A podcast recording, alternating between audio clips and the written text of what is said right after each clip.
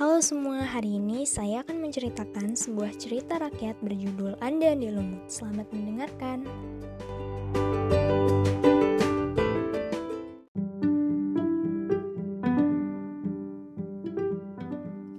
Alkisah, zaman dahulu di daerah Jawa Tengah berdiri kerajaan Jenggala. Sang raja memiliki putra mahkota bernama Raden Putra. Raden Putra telah memiliki seorang istri bernama Dewi Chandra Kirana. Dewi Chandra Kirana terkenal sangat cantik wajahnya. Sang raja menginginkan agar kelak Raden Putra menggantikannya menjadi Raja Jenggala. Tapi Raden Putra menolaknya.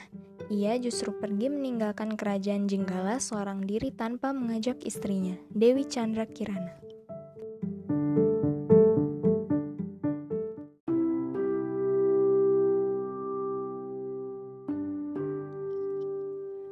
Chandra Kirana merasa sangat sedih setelah kepergian suaminya. Ia kemudian pergi meninggalkan istana untuk mencari suaminya tercinta. Dewi Chandra Kirana menyamar menjadi seorang perempuan desa biasa. Di tengah pengembaraannya, ia bertemu seorang janda kaya bernama Mbok Randa Kaulusan. Mbok Randa Kaulusan telah memiliki tiga orang anak perempuan bernama Kleting Abang, Kleting Wungu, dan Kleting Biru. Dewi Chandra Kirana kemudian diangkat menjadi anak oleh si janda kaya. Bu Oranda Kaulusan memberi nama Dewi Chandra Kirana dengan nama Kleting Kuning. Bu Oranda Kaulusan sudah menganggapnya sebagai anak bungsu. Ketiga kakak Kleting Kuning sangat iri terhadap kecantikannya.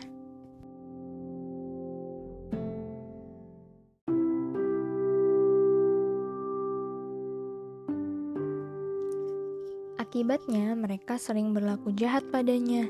Karena kebenciannya, mereka menyuruh Kleting Kuning atau Dewi Chandra Kirana agar memakai pakaian kumal lagi bau, sehingga ia terlihat seperti pembantu. Setiap hari mereka menyuruh Kleting Kuning mengerjakan pekerjaan rumah, sementara mereka sendiri bermalas-malasan. Akibatnya, tubuh keriting kuning memiliki bau yang tidak sedap karena selalu mengerjakan pekerjaan kotor sehingga tidak memiliki banyak waktu untuk merawat dirinya.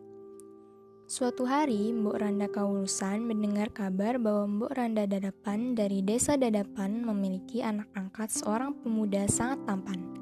Ande-ande lumut namanya. Ketampanan Anda-Anda Lumut telah membuat banyak orang tua mendatangi Mbok Randa Dadapan agar menjodohkan putranya dengan putri mereka. Mbok Randa Kawulusan berkehendak agar salah satu anaknya bisa menjadi istri Anda-Anda Lumut. Ia memerintahkan ketiga anaknya untuk pergi ke desa Dadapan, menemui Mbok Randa Dadapan, sementara Kleting Kuning ia suruh tinggal di rumah. Segera Kleting Abang, Kleting Wungu, dan Kleting Biru pergi ke desa Dadapan. Mereka mengenakan pakaian indah agar bisa menarik hati ande-ande lumut. Kleting Abang mengenakan pakaian berwarna merah.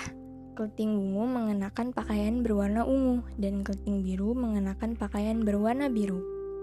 Sebelum tiba di desa Dadapan, ketiga kakak beradik merasa bingung saat hendak menyeberangi sebuah sungai lebar lagi berair dalam.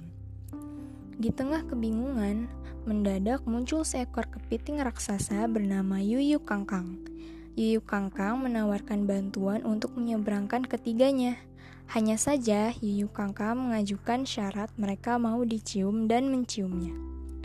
Jika kalian mau aku cium dan menciumku, aku akan membantu menyeberangkan kalian ke seberang sungai, kata Yuyu Kangkang.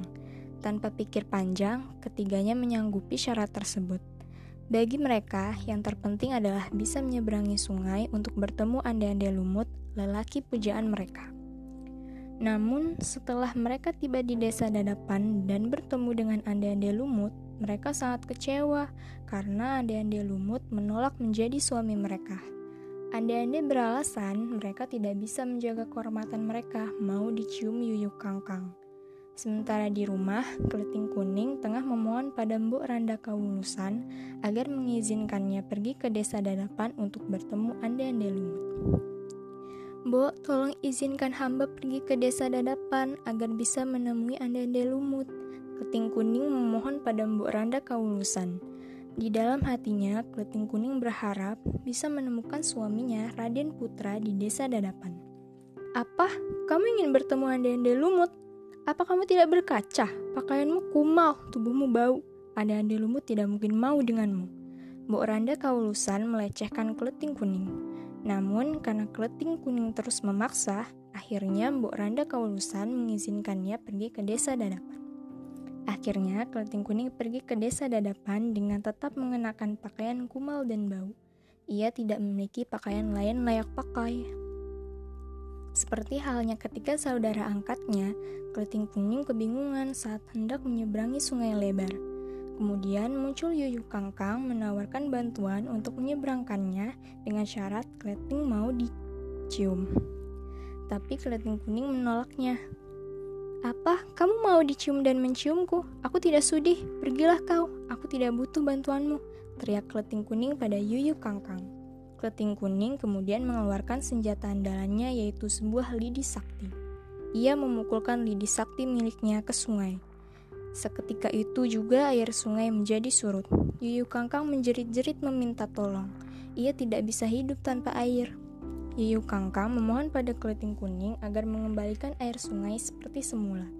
Sebagai imbalan, ia akan menyeberangkannya ke seberang sungai. Kleting Kuning setuju dan segera mengembalikan air sungai ke kondisi semula. Kemudian Yuyu Kangkang menyeberangkannya ke seberang sungai tanpa meminta imbalan mencium. Akhirnya, tibalah Kleting Kuning di desa Dadapan. Di sana, ia mendapati ketiga kakaknya terlihat sangat sedih karena ditolak oleh ande-ande lumut.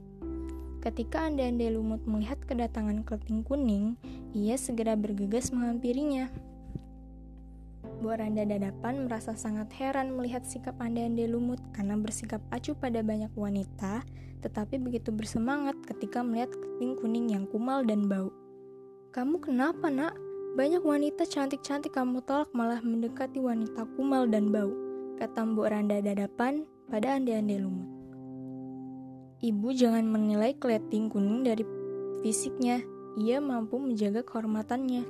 Ia menolak dicium dan mencium Yuyu Kangkang. Tidak seperti gadis-gadis lainnya. Dialah calon istri terbaik bagiku. Jawab ande-ande lumut.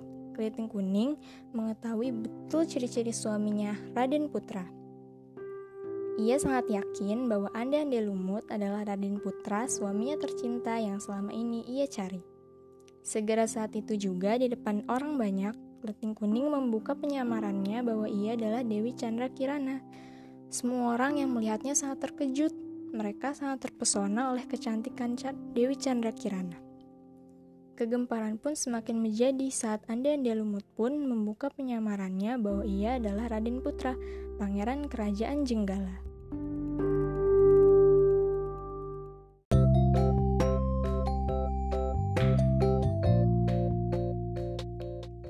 Keduanya kemudian kembali hidup bahagia sebagai suami istri.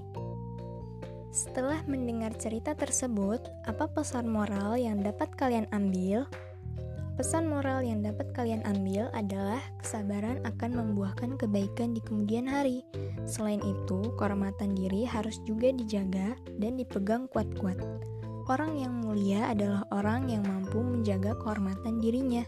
Selain itu, jadilah dirimu sendiri Bersikap baiklah kepada siapa pun, serta berkorbanlah dan bekerja keraslah jika keinginanmu ingin tercapai. Terima kasih sudah mendengar, sampai jumpa. Thank you